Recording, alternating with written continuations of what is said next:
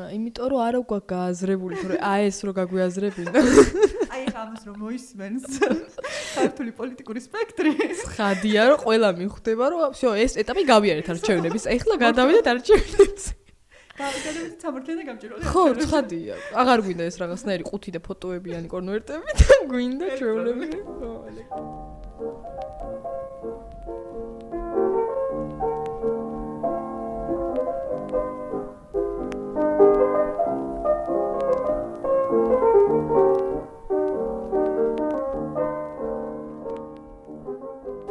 გამარჯობათ მოგესალმებით. თქვენს მე სტუდია გეორგიგას პოდკასტ დე რესპუბლიკა მე და ელინე ვაგრძელებთ საქართველოს პირველ რესპუბლიკაზე საუბარს და ახლა გადავწყვიტეთ დავიწყოთ საუბარი დამფუძნებელი კრებით.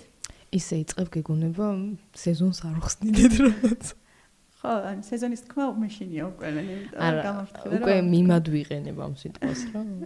წინაზე ხო თქვი რომ თუდა დაეკიდება მეთქი და აეკიდა უკვე და რაღაცო აჰა კარგი მაშინ შეგახსენებთ ახლა ვიწყებთ ახალ სეზონს და ახალ სეზონში როგორც ბონუს ეპიზოდში გითხარით, ვაპირებთ რომ ძირითადად ვისაუბროთ პერსონაჟებზე, თავარ შემოქმედ აქტორებზე პირველი რესპუბლიკის და შესაბამისად გადავწყვეტეთ რომ საჭირო იყო დაგვეწყო საუბარი დამფუძნებელ დამფუძნებელი კრებით, რადგან ეს სწორედ ის თარიღია 12 მარტი 1919 წლის, როცა ერთ ოთახში თავმოყრილი 130 ადამიანი, მათგან მართალია ცოტა ვიცით, მაგრამ ეს 130 ადამიანია ის, რომელიც ფიქრობს იმ დროს ქართულ აზრზე, ქართულ კონსტიტუციაზე, პირველ ქართულ კონსტიტუციაზე, არ ვიცი, პირველ ქართულ პარლამენტზე.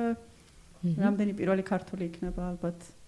ესეთი. ზუსტად, ანუ მიხოვე იმის, რომ ესეც რაღაცა შემამზადებელი პერიოდია და მე ამზადებს რაღაცა ფუძულს, რომ აი მე რო ლეგიტიმურად მართლა მოვლა მოვამ შესაძერისი თავრობა და შესაძერისი არჩევნები ჩატარდება, მაინც რაღაცნაირად ეს სადასცალდათ ეგ ამბავი, ასე რომ ეს ხა შეგუჩარა. ასე შეიძლება თქვა ხო და აი ამ ეპიზოდში რახან თქვით რომ ცოტას ვიცნობთ და აა ბევრს არ ვიცნობთ 130-ვე დეპუტატის ახლა დავიწყებთ სახელების სახელების ჩამოთვლას და ჩამოვიტყვით განათლებას საიდან არის ეკონომიკურ შესაძლებლობას? ეკონომიკურ კლასს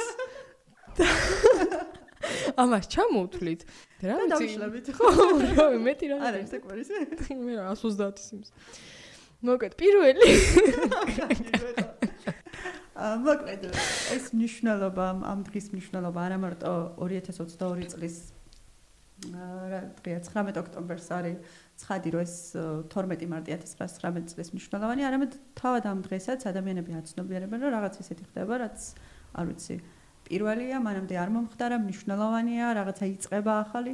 და ნუ ამაზე მეტყველებს გამოცემები, შეიძლება დავარქვა, პრესა, რომელიც აშუქებს მიმდინარე ამბებს და ჩვენ გვაქვს აი საქართველოს რესპუბლიკის ნომერი ერთ-ერთი ნომერიდან, გაზეთიდან ამონარიდები, ნუ სადაც ვკითხულობთ როგორ ჩატარდა ეს დღე, ჰიმნი გაისმა, ღეროდა ხალხი, იყო წარმოდგენილი ტაშს უკრავდა წარმოდგენილი იყო როგორც სასულიერო ისე საერო სამხედრო. სამხედრო და ნუ მოკლედ ცერემონიული იყო და ნუ რაც მთავარი აქ გაჟღერდა ეს მნიშვნელოვანი სიტყვა რომელზედაც ელენე უფრო დეტალურად ისაუბრებს ფილიპისტრო ჯიბლეტს ჯიბლეტს აა კი და ანი აი რასაც ჩვენ რაც მასალებს ნახულობთ ესე რაღაცაში გაკვირვებული იყო ასე თქვათ არის რომ არ წარმომედგინა რომ ამდენი ხალხი შეიკრიბებოდა ანუ საუბარია მოქალაქეებზე და რა თქვა იმენზე ვიც უშუალოდ ჩართული იყვნენ ამ პროცესში ამდენი ხალხი შეიკრიბება დამფუძნებელი კრების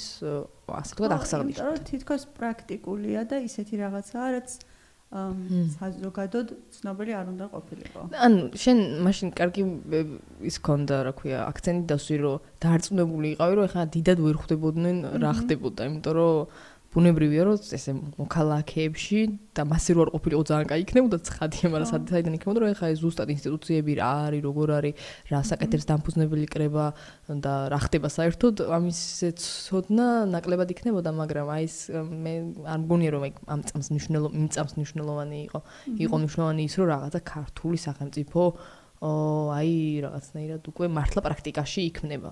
ხო და ალბათ კარგი იქნება რომ ავხსნათ რასზე იმობს ეს ხალხი ამ დამფუძნებელი კრება საერთოდ რა იყო და საერთოდ როგორ დაკომპლექტა იმიტომ რომ ჩვენ ეს დღე, იმიტომ მათ შევარჩიეთ ასე ვთქვათ ესეთ სიმბოლურ მარკერად, არა მხოლოდ იმიტომ რომ მატერიალურად გამოხატა ყველაფერი, არამედ იმიტომ რომ არჩევნების შედეგად ჩამ შეირჩა ეს ხალხი და არჩევნებიც ისეთი მივხვდეთ იმისა რომ შეიძლება მანდ იმჩელო რამდენ ზუსტად სამართლიანად ჩატარდა და გამჭირვალედ როგორც ახლა ხო ანუ რამდენად სრულად კარგად ჩაიერა ყველაფერმა მაგ მხრივ დააკმაყოფილა საერთაშორისო სტანდარტები თუ არა და ეგეთი მსგავსი რაღაცები მაინც ვამბობთ ან რეალურად საუბრობ დღეზე როცა ვინც დემოკრატულად აირჩა, ისინი არიან წარმოქმნილი სახელმწიფო სადავეებში და ეს არის პირველად. ხო, სანამ უშუალოდ არჩევნებზე ვიტყვი, უბრალოდ იმას დავაფიქსირებ ცხადად.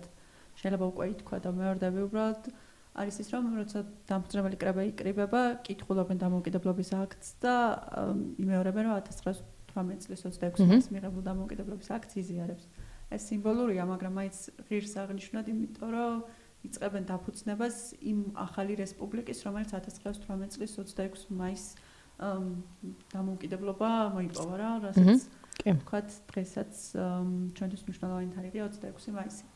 რაც შეეხება არჩევნებს, ну არჩევნები მიმდინარეობდა 3 დღე, რაც განსხვავებულია ხა დღევანდელი სიტუაციიდან, იმიტომ რომ ერთ დღეში თავდება ხოლმე არჩევნები, მაგრამ სათვალისწინებელია ის ფაქტი, რომ სოფლებში, მაღალმთიან რეგიონებში, სადაც თოვლი იყო, 3 დღე მოუწიათ არჩევნების ჩატარება. აა და ნუ კიდე 20 წლის ადამიანებს შეეძლოთ მხოლოდ ხმის მიცემა. ან ეს რატო იყო 20 წელი მე პირადად ვიცი. შეიძლება მე შემოხვდეს სადმე და მაგას დავაკონკრეტებ, უბრალოდ შენ ძალიან დაგაინტერესა მაგამ ბუმ. კი, ძალიან დამაინტერესა, იმიტომ რომ რაღაცნაირად იმ ტენდენციას მიყვება, რაც ზოგადად ხდება დემოკრატიულ სახელმწიფოებში, რომ თავიდან დასაწყისში რაღაც AG უფრო ასაკი უკაცრავად, ასაკი უფრო მაღალი აქვთ ასაკობრივი ზღვარიდან ეს შემცირება თანდათან ხდება. ნუ ეს ტენდენცია დამხდა, მაგიტომ დამოინტერესა. და ნუ არჩევნებში ხმის მიცამისებლება ჰქონდათ ქალებს. მე მე მესისღება ამ ამბავს რომ ეგრე ძალიან გამოკვეთილმა რა. ნუ ის 15 სახელმწიფოში ვიყავით, სადაც ქალებს კანდიდატის შეეძლოთ დაიყენებინათ საკუთარი თავი, ყავდა 5 დეპუტატი ქალი. სხვადასხვა ეს ქალი დეპუტატების თემა ისე არა ქვია მხოლოდ ფორმალურად აღნიშნავენ ხოლმე რომ ქალი დეპუტატები არიან. თითქოს მხოლოდ მათი სქესი და რავი სქესი ამნიშნავენ მაგრამ სიამოვნებაში ძალიან მოქმედი დეპუტატები იყვნენ რა და ნუ დარღვევებიც იყო და როგორც ახლა ხდება რომ ხელისუფლებაში ვინც არის ერთადად ის ფლობს რესურსებს ხოლმე და ამ რესურსების გამოყენების საშუალება აქვთ სოციალ-დემოკრატებსაც ჰქონდათ ეს ფუფუნება რომ რაღაც რესურსები გამოეყენებინათ და როგორც გაზეთები უწყებიან ან ისტორიკოსები აღნიშნავენ ამას იყენებდნენ. ნუ ეს შესამჩნევია იმაშიც რომ რამდენიმე უბანზე 100%-იანი გამოცხადება იყო რაც აი შეიძლება ძალიან უხაროდეს. მაინც ეჭვის მომცემია უფრო იმისა რომ პირველად ტარდება სამყარო ამათ სამყაროში არჩევნები. ნუ თან ისიც ხდებოდა რომ სხვათა შორის არჩევნების ჩატარების ფორმა იყო ძალიან საინტერესო იმ ხრივ რომ თუ თუ გახსოვს ელენე შენ პოლიტიკური პროცესები არ გიყვარს პროპორციული სისტემის მოთხოვნა გქონდა რამდენიმე წელია უკვე აქტიურად ითხოვს ჩვენი სამოქალაქო სექტორი. ეხ ეგ მახსოვს როგორ ყავს ჩვენი პირველი არჩევნები კიდე სრულად პროპორციული სისტემით ჩატარდა, არ გქონდა მაჟორიტარული სისტემა, ანუ პარტიები წარადგენდნენ სიებს და ამორჩეველი ნახულობდა სიას და სიის მიხედვით აძლევდა ხმას პარტიას. დიდი ალბათობით, იმიტომ რომ ხალხზე იყო სწორება. ხო. და მოკლედ ნაცვლად იმისა რომ დღეს ხომ არჩევნებზე როცა მივდივართ მიგვაქვს ჩვენი კალამი და ხაზავთ სასურველ კანდიდატს ნაცვლად ამისა თითოეულ პარტიას ჰქონდა თავის ბიულეტენი და სასურველი კანდიდატის სასურველი პარტიის ამ ბიულეტენს ვდებდით კონვერტში ვდებდით დებდნენ კონვერტში და აგდებდნენ შესაბამის ყუთში. ეს ყუთი როგორია? ვეძებე ბევრი იმიტომ რომ დამაინტერესა ეხლა ხო გამჭირვალე ყუთებია და აღმოჩნდა რომ არ არის შემონახული როგორია? ანუ რა რა კარტ კონვერტი კაცო? აი, ის ვიცით როგორი იყო კაბინები, მაგრამ დიდი ალბათობით დახურული იქნებოდა, რომ და არჩევნების თავარი პრინციპი დაცული ყოფილიყო, რომ მართლა არ ვიცი. მის მიცემისას წინასწარ არ გწოდნო და ვისაძლევდა ადამიანი ხმას. აა ნუ ერთადერთი კიდევ სასაცილო ფაქტი რაც იყო, რადგან მე გამერიმა მიხა კოწერეთელი იყო როგორც ეროვნული დემოკრატების ისე სოციალ-ფედერალისტების სიაში, ორივეს ყავდა შეყვანილი საკუთარ პარტიულ სიაში. და მიხაკო წერეთას არც ერთი არ ჰქონდა დამადასტურებელი საბუთი წარდგენილი რომ უნდა და სიაში ყოფილიყო. რა თავსი ფასებდა და იმანთ celebrity რაღაცა. ხო ისიც ძალიან კაია კონვერტები რო უფრო მეტი ეყარა ერთგან მინდრე რო ის არის რა ქვია სად იყო ეგ როგორ მიში? თავიდან ჩატარდა მათ არჩევნები დუშეთში იყო ხო დუშეთში შედეგები გავხვდა იმის გამო რომ საარჩევნო ყუთში იმაზე მეტი კონვერტი აღმოჩინეს ვიდრე ამ უბანზე რეგისტრირებული ამორჩეველი იყო და ნუ აქ უნდა გავითვალისწინოთ რომ არც ისე განათლებულია ხა ამორჩეველი როგორც თქვა დღეს. და კონვერტებს შემთხვევით აკეთებს არა კონვერტებს არა უბრალოდ ბიულეტენების ნაცვლად ვერ იგებდნენ რომ ბიულეტენები უნდა ჩაედოთ და სასურველი კანდიდატის ფოტოებიც აღმოჩენილია რომ ფოტოები აქვს ჩადებული. ფოტოები სათნახე და რო დავანებოთ ამას თავი შენ დამფუძნებელი კრების ტერმინთან ქონდა ის პრეტენზია რომ განცდა არ ჩანს განგრძობითობა ხო ხო აი არ კრება თვითონ აქ მგონია თვითონ გამოიყენეს სიტყვა როგორც ხალხის შეკრება, ანუ ნაკრები, ასე ვთქვათ, და არა აქტი, რომ აი კრება მოვიწვიეთ, ასე ვთქვათ, რაღაცა ერთჯერადად რაც კეთდება და მაგრამ ჩემთვის ეს ერთჯერადთან უფრო ასოციაციურად მიდის და მაგიტო უფრო დამაბნეველი იყო, ანუ ვერ ვაკავშირებდი მის ამ ორგანოს საქმიანობასთან ორგანოს სახელს. მაგრამ ნუ დი პრობლემა არ არის ხა ეს ხადი. კარგი, მაშინ რა იყო სინამდვილეში გითხარი? მმ, ანუ სინამდვილეში ბევრი რამე იყო, გააჩნია, რას შევხედავთ, გააჩნია, ანუ საჭიროებიდან გამომდინარე მრავალი ფუნქციის მიწეპება უწევდა, მაგრამ ოფიციალურად ეს იყო საკანონმდებლო ორგანო, მაგრამ პრაქტიკაში უწევდა აღმასრულებელი როლის შესრულება სხვა სხვა ასპექტებს. ანუ როგორც წავიკითხე ნოემბერ და ჟორდანია, რომ აუცილებელია შეითავსოს აღმასრულებელიც იმიტომ რომ სწრაფად მივიღოთ გადაწყვეტილებები და ის ინსტიტუტების შექმნა და გამოძერწვა მოხდეს უფრო ეფექტურად და სწრაფად, იმიტომ რომ სახელმწიფოსთვის აუცილებელია და მართალია ეს შემოწმებისა და დაბალანსების პრინციპი საჭიროა შენარჩუნდეს, მაგრამ ამ ეტაპზე უფრო მნიშვნელოვანია რომ თქვათ ეს ინსტიტუტები სწრაფად ან სრულიად არადეკვატური იქნება ხა მაგ პერიოდში რომ ამ საკითხზე ვილაპარაკოთ, იმიტომ რომ სამი წელი იყო დროებითი იყო და შეიძლება მართლა მე რომ სადრო დადგებოდა ჩამოყალიბებული იყო ისეთი სისტემა რაც და ყოფილიყო და მაგას კათიშვილი ვერ გაიგებს ეს რეალურად, მაგრამ მაინც ეს მიდრეკილება რო არის ძალაუფლების გაფართოების და რაღაცა ერთ წერტილში კონცენტრირების და ეს ჯერ ჩვენ ვერაფრით ვერ გადაულახეთ, აი ეგ მანდაც ეგრე იყო, ასე ვთქვათ რა. და ნუ თან საპრეზიდენტო ინსტიტუცია ამბობენ უარს აღმასრულებელი ხელისუფლების მართალი ანუ ნოე ანუ პრემიერი ხდება მთავარი მოქმედი და ნუ ცხადია ისიც რომ გადაწყვეტილებებს ერთი პარტია იღებს და მე მგონი ცოტა ნოეს ისეთი რა ქვია ავტოკრატიულობა არ არის ალბათ სამართლიანი მაგრამ უფრო აი ძალაუფლების მოხვეჭისკენ ხო, არ ვიცი, არ დავწამოცილი, როცა გავარკვე და ნუ ეს ამ პერიოდის ის განხილვებს ვერ გადავალთ, იქ ცოტა გამოჩნდება. შეიძლება ზედაპირული. კი, მაგრამ იქაც ხო არის, რომ აქ პარტიებს შორისაც თვითონ პარტიის შიგნითაც ხომ იყო სხვადასხვა აზრები და ეს რამიშვილის, ნოე რამიშვილის ხედვები და ნოე ჟორდანიას ხედვები ერთმანეთს. მოკლედ, ამ ყველაფერს უნდა დაელოდო დაახლოებით 20 ეპიზოდში იქნება. ანუ მე დაახტოვანებული ვარ ამ მიგნებით, რომ შიდა პარტიული დავები ბევრად უფრო საინტერესოა, ვიდრე პარტიათა შორის დავები და აუცილებლად განვიხილავთ კი მომსამომავლოდ ამ საკითხებს. მაგრამ ასევე უნდა ვახსენოთ, რომ აი დიდი ალბათობის ცნობილი ფოტო ნანახი გაქვთ გვერდზე ძალიან ლამაზი კრისტინე როზის და როი მზირება რვა კაცი? შეიძლება? ხუთი ალბათ, იმიტომ რომ ექვსნი არ იყვნენ სულ. ექვსნი იყვნენ ამხანაგები. ხო. და ერთი ხო იქნებოდა თავჯდომარე. კარლო ჩხეიძე არ არის ფოტოზე? მოკეთ. არ მშრომლობ.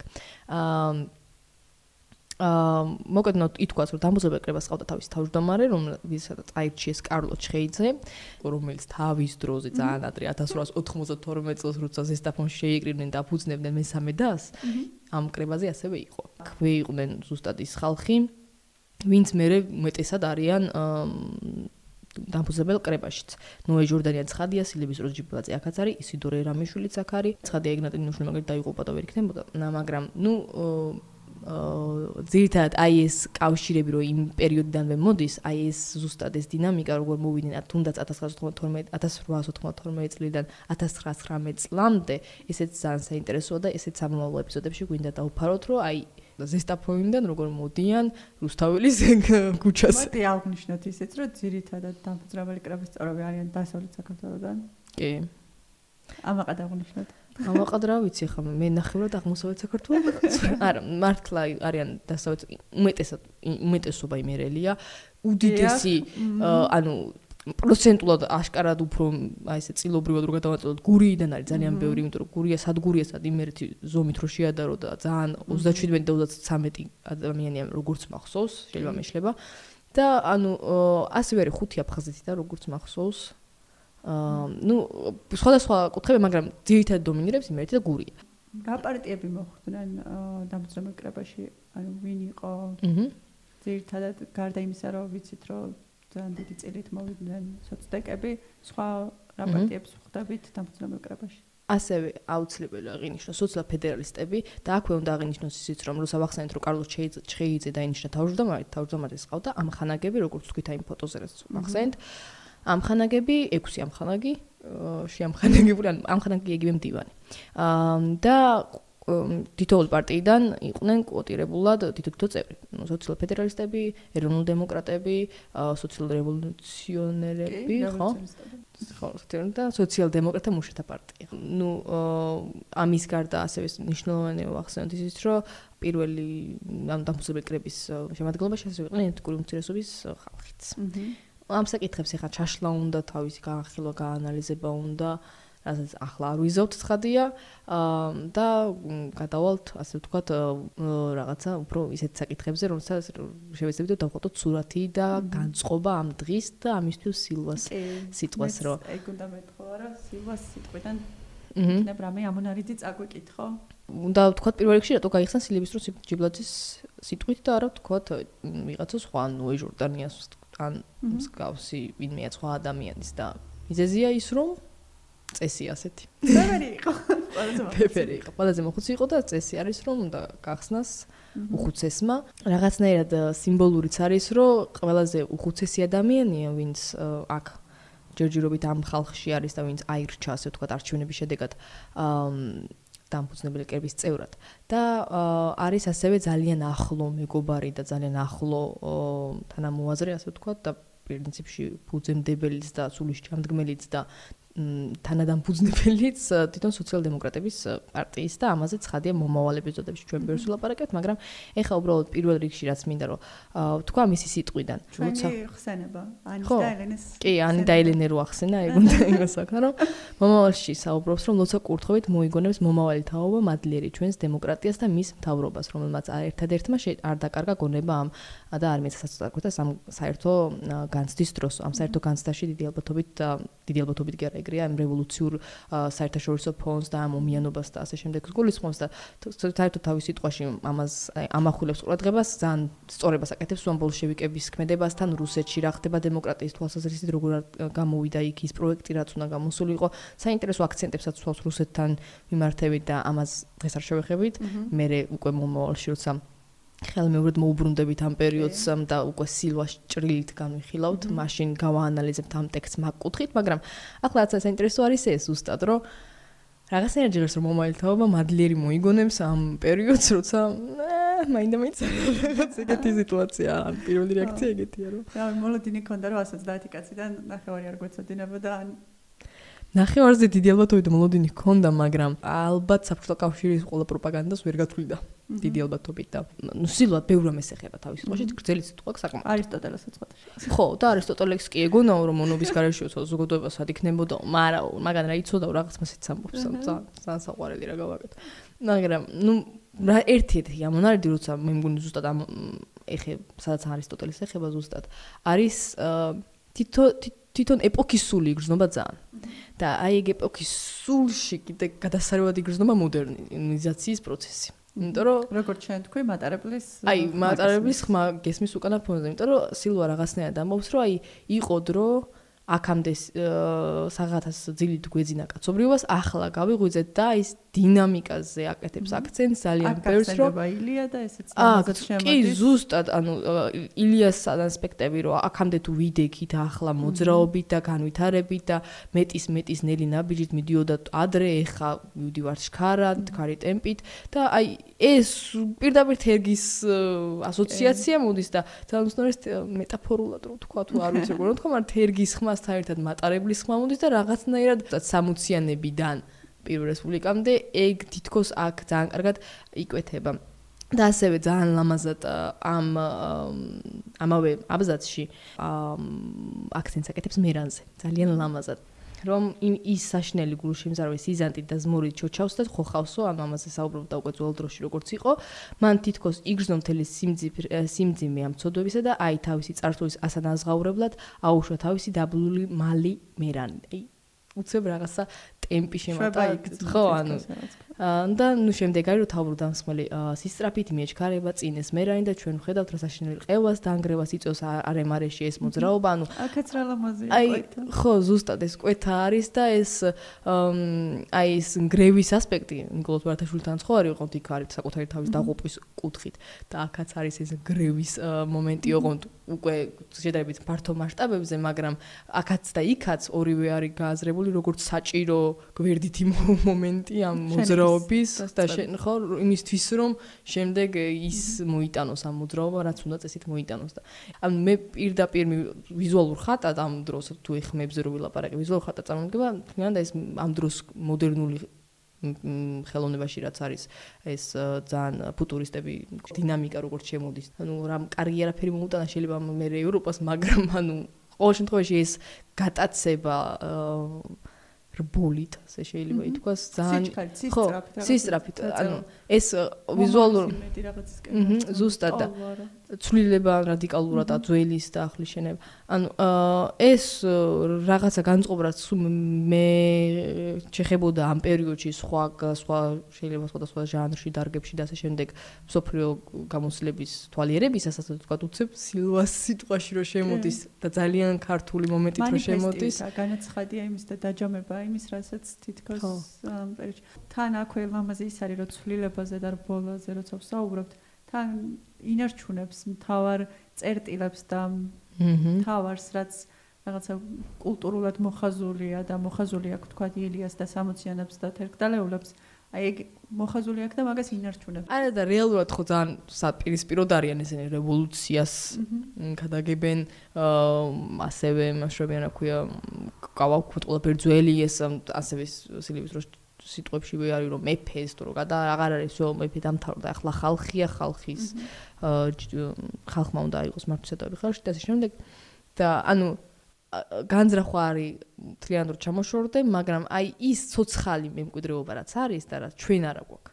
ეხლა რაც ძალიან დისკომფორტში ვაგდებს ეგ ცოცხალი მემკვიდრეობა აა ისეთი ისეთი გამჯდარი აქვს მიმის თაობას იმიტომ რომ ესეთი ყარი კავშირი ქონდა წინა 60-იან თაობასთან, რომ უნდათ არ უნდათ მაგ წვენში რა მოხარშულები ასე რომ თქვა და ეგ შესაშური ამბავია ჩემი პერსპექტივიდან, იმიტომ რომ ჩვენ ეგეთი ის არ ხო.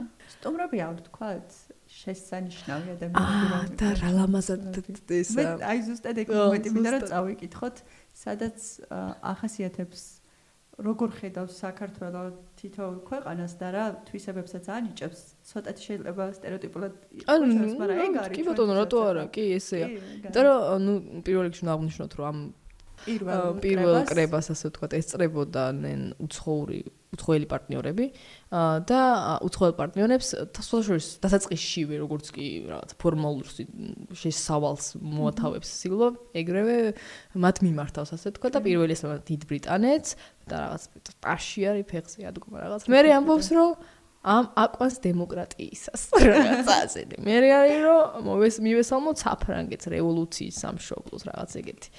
მე არის ამერიკის ბუმბერას შეერთებულ შტატებს როგორც სიმბოლოს თავისუფლების და რაღაც აი ძალიან მე პატარა შვეიცარია და ყველა დევნილთან ფარავს. იმიტომ რომ ხო ანუ რაღაც ისეთი სიტუაცია და ანუ უბრალოდ აა ამას რო ჩამოთვლი და რაღაცნაირი ისეთი ის იყო რომ აი კაი ჩუ და დაამთავრებდა მე მგონა რომ აი და საქართველოს ხდებათ როგორც და რაღაცა კონკრეტულ ერთ სიტყვას იტყო და რაღაცა ძალიან ზუსტ მაგრამ რა სიტყვა და ერთ სიტყვას ვერაფერს ვერ იტყო და მაგრამ მეც მეგონა რა ბოლოს იტყო და მიესალმოთ საქართველოს დამსწრებელი კრების პირველ დეპუტატებს არ რაღაც და რაღაცა მსგავს აკეთებს რაღაცა მსგავს აკეთებს უბრალოდ აი ესე რომ აი კონტრიბუციები ჩამოთვალა უცებ და მე საქართველოს ნიშა გამოკვეთა, ანუ ძალიან კომფორტული იქნებოდა, მაგრამ შეუძლებელი ხადი აღარ ანიშ უნდა გამოკვეთა, იქ იქ იქნებოდა ყველაფერი, მაგრამ აა ეს ერთ სიტყვიანი ნიშა ძალიან ლამაზი იქნებოდა ჩემთვის. მაგრამ ერთ სიტყვიანი ნიშის მიუხედავად საქართველოსაც ახასიათებს ასე ვთქვათ, რომ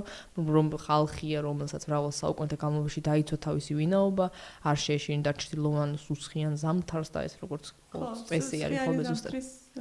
გადამღერებად ჩვენ ერთ-ერთი პირველი პოსტი იყო სილვას სიტყვები ჩვენთვის იმიტომ რომ აი სუსხიანს სამთარს რო შეუშინდა ანუ რუსეთთან სწორი პოზიცია და მკაცრად განსაზღვრული პოზიცია რომ არ გვინდა და თან მე დასავლელი პარტნიორების ხსენება იმის ნიშნად რომ ჩვენთვის ეს არის არჩევანი თითქოს ანუ თანამედროვე საქართველოს განაცხადიც არის. რამდენი იგებს ახლა აქ რას ლამბობს სილვა? საკითხია. სულ მაგაზე მეფიქრება, როცა პირველ რესპუბლიკაზე რაღაცებს ვკითხულობ. იმიტომ რომ ჩანს თითქოს მასშტაბური და მოძრავი პროცესები და სულ მახსენდება რომ ძალიან ცოტა ადამიანია ვინც წერა კითხვა იცის. ჩვენ მართალია შეიძლება აღთვანებით საუბრობდეთ ამ პროცესებზე, მაგრამ აქვე გვაქვს ის დაშვება, რომ ეს არ არის ისეთი მასშტაბური, როგორც შეიძლება აქედან. კი, კი, კი. ზუსტად, იმიტომ რომ ეხლა ეს სიტყვა რაც წავიკითხეთ და რაც განვიხილეთ სილოს და გინდაც ის ფაქტი, რომ რაღაც დამბუზები ეკრება და ხალხი უსთავზე იკრიბება, ეს რო იყოს გაცნობიერებული პროცესი, მე მგონია რომ სხვანაირი სიტუაციაზე ვილაპარაკებდით. მასობრივად გაცნობიერებული პროცესი ხადია. და ცხადია ეგრე არ იქნებოდა, იმიტომ რომ საუბრობთ იმაზე, რომ ხალხი ვერ ხვდებოდა, რომ ფოტოები უნდა ჩაედოთ კონვერტში თუ რა უნდა ჩაედოთ. და ეგეთი მსგავსი რაღაცეები და ცხადია, აი მე საერთოდ ისიც ხანდახან მიკვირს ამაც მასაიდან. იმცოდენ ანუ ელიტაში სასაც ვძახით, აქ საიდან აღმოჩნდა მისი ამისი ცოდნა. აქვე უნდა გავითვალისწინოთ ისიც. რახან წამოუჭერი ხა განათლების ამბავი ამათ მასაიდან იცოდნენ? ამაზე გამახსენდა რომ კლასობრივად ძამ შერეული დაკომპლექტება იყო დამუზემე კრებაში ძიმგაგებით რომ იყვნენ გლეხები ცხადია წვრილი თავადაზნაურობა რაღაცა აა მუშათა კლასი, მაგრამ ასე იყო სასულიერო წოდების პირი ხალხი და ეს თითქოს რაღაცნაირ წინამდეგვაში მოდის გაგებით, რომ რაღაც ათეისტი ათეისტები იყვნენ სოციალ-დემოკრატები, რაღაც ღმერთი ძალიან საყვარელი ნოესის მახსენდება სულ თავის მეში რო წერს ბიოგრაფიაში რო წერს ავტობიოგრაფიაში რო წერს რომ როგორ გააცნობია რომ ღმერთი არ არსებობდა თუ რაღაც მსგავს ბუნების კარმა რომ ათეისტური მიდრეკლებები ჩამოუყალიბა მაგრამ ნუ მაგას მე შევეხებით მაგრამ აი და სილვას თავის სიტყვაში თუმავს რომ აი ლოცვა კურთხევით რაღაც ღვთისმადლით შეიძლება ღვთისმადლს ვაბრალებ მაგრამ ლოცვა კურთხევა ნამდვილად იყო.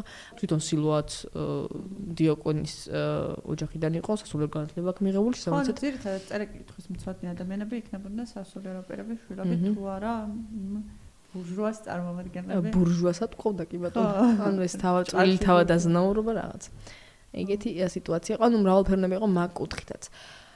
აი ეს მრავალფეროვნებების ჯაჭვი, ტერიტორიული ჯაჭვი, რაღაცა ასაკობრივი ჯაჭვი, ასაკობრივზე ბარემ თოვხურავთ, უნდა დავხურავთ ალბათ ასაკობრივი, ზუსტად ყველაზე დიდი ვიწყებთ ხსნით, მაგრამ ჩვენ დავამთავრებთ. უბრალოდ ყველაზე ახალგაზრდა აა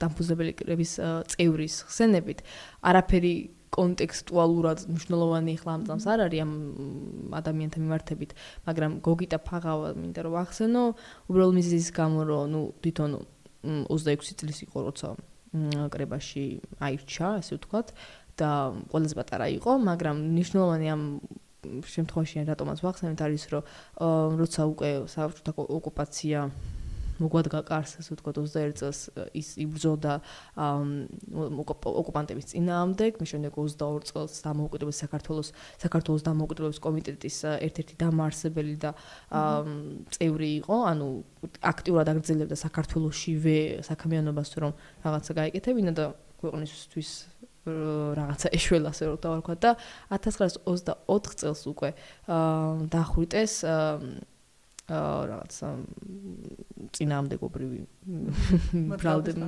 ხო იმიტომ რომ დისიდენტური მიზეზები და ბრალდებები და გაურკვეველ სასაფლაოზე გაურკვეველ ადგილას დაასაფლავეს ანუ არ ვიცით მისი წხედარი დაკარგულია. და აი უბრალოდ მისი ეს ისტორია ეს პატარა ახალგაზრდა ბიჭი რომელიც 18 წლიდან იწყებს რაღაცა წინამდებური მოძრაობებში თავის დროზე ჩააბმას ხო ფარტხას ხო. შემდეგ ძალიან პატარა ასაკში ხდება და და დამხმარებელი კრების წევრი და რაღაცა ახალგაზრდული სულისკვეთებიდან შეიძლება არ ვიცი რა მიზნები და სული სწრაფები ქონდა მას კონკრეტულად მაგრამ აგრძელებს საბჭოთა პერიოდშიც რაღაც თავის იდეალების დაცვას ასე ვთქვა და ქვეყნის დაცვასაც. და კვდება სრულიად ის ანუ უკვალოდ ხრება ასე ვთქვა და აი ეს ამბავი თავის თავში ატარებს ცხადია ის ადამიანურ მომენტსაც რაც ჩვენ ძალიან გვხიბლოს როცა მივდივართ ამ ისტორიულ პერსონაჟებთან და ამ ამ ადამიანურ მომენტებს ხედავთ თან როცა შეგიძლია ფოტო ნახო ადამიანის რაღაცნაირად სადღაც დააფიქსირო რა ტიპის შეიძლება ყოფილიყო რაღაცები წაიკითხო მისი და ეს ადამიანური მომენტი და თითქოს ძალიან კარგად იტევს როგორც სილვა თუ თავის სიტყვაში ძალიან კარგად იტევდა მთელი განგრძობიტობას რაც ქონდა რას ახასიათებდა ამ პერიოდის 60-იან წლებიდან კი პირველ რესპუბლიკამდე და შემდეგ იმ მომავალ განგრძობიტობის პერსპექტივას იმ იმედსაც თუ ძალიან კარგად იტევდა ეს ბიჭი ძალიან კარგად ასახავს იმ წყვეტას და არაფრობას როგორც რაც ახასიათებს ძალიან ჩვენს იმას რა ქვია ისტორიას რომ აი რაღაცა იწება რაღაცა და მე უცებ მაკრებამ შეაჯამა პირველი რესპუბლიკის ისტორია ანუ მარტო იმიტომ რომ სიმბოლურად ხადი შემთხვევით. ხო მაგრამ კარგად აჯამებს დამფუძნებელ კრებაში უხუცესმა წევრმა აჩვენა ის იმედი და რავი ის მემკვიდრეობითობა რაც ჰმმ რა მე საიდან წარმოვიდგინდი რომ დღეს მოვესწრებოდიო? ხო. და ხან ეგრეთ ეგეთი ისტორია გვაქვს რა საიდან წარმოვიერ წარმოვიდგინთ რომ რაღაც დღეს მოვესწრებით და მე მართლა უნდა წარმოგედგინე იმიტომ რომ მართლა ძალიან მოკლეხნიანი იყო ზუსტად და ყველაზე წესით რო ყველაზე დიდხანს უნდა იცოცხლა იმ იმ წევრის ვინც მართლა უნდა მოსწრება და ვინც მართლა უნდა მოსწრება და შემდეგ დამძრებელი კრების შედეგებს ბენეფიტებს და რაღაცა პოლიტიკურ ამ ვიცი უკვე პოლიტიკურ შედეგებს ის ადამიანი კვდება საბჭოთა სისტემის მიერ. ეგრევე მალევე 24 წელსვე. და 24 წლამდე სანამ მოკვდება ის არის ვინც ებრძვის სტილოს კი. სტილოს არ და 26-ის რა ხანკდება და არის? 24 29-ის ხო? 29-ის კვდება 24 წელს შესაბამისად რა ვიცი აქეთკენაც ანუ ეს უნდა ყოფილიყო ის თავი რომელიც შეინახავდა რეალურად მემკვიდრეობას ანუ მეხსიერებას. აი რა დავკარგეთ 25 თებერვალში აი ამათ უნდა დასწლოდა აი ამ გოგიტას უნდა დასწლოდა რა დავკარგეთ 25 თებერვალში რო ვკითხულობდით აი გოგიტა დავკარგეთ და გოგიტას ნაითო კი ნუ ეს იყო პირველი ეპიზოდი მე არ რა სევდიან ნოტაზე დავამთავრე. სევდიანი გამოგვივიდა, მაგრამ მგონი საინტერესო შეჯამება იყო, იმიტომ რომ სარკისებურად რაღაცნაირად, არ ვიცი სარკისებურად ქვია თუ არა მას, მაგრამ რაღაცნაირად გავიმეორეთ პირველი სეზონის პირველი ეპიზოდი. მაგრამ იმ სახასიათო დეტალით რაც ამ სეზონზე გვინდა რომ ქონდეს. იმ ხო, იმ სახასიათო დეტალით რაც ამ სეზონს გვინდა რომ ქონდეს და იმ საინტერესო აღმოჩენით რაც მასალების ძიებისას გავაკეთე და იმედი გვაქვს რომ უფრო ინფორმაციული იყო ეს ეპიზოდი. და თავარია შეიქმნა კონტექსტი თქვენთვის იმისათვის რომ შემდეგი ეპიზოდი უფრო სასიამოვნო მოსასმენი იყოს. აჰა.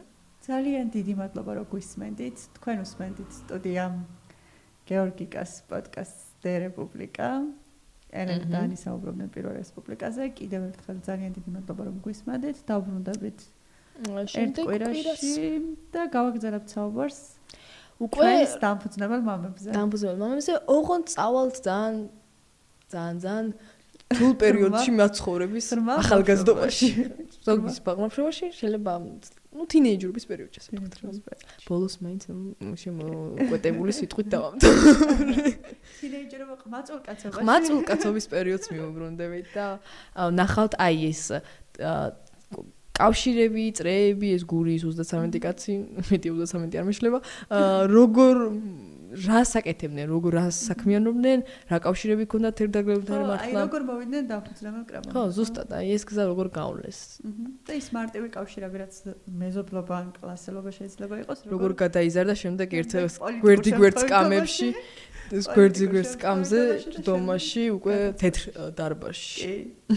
თეთრი დარბაზიდან წავალთ ბავშვობაში ხო? კი, ერთი დარბაზიდან ფიქრის გორაზე გურიაში. ხო.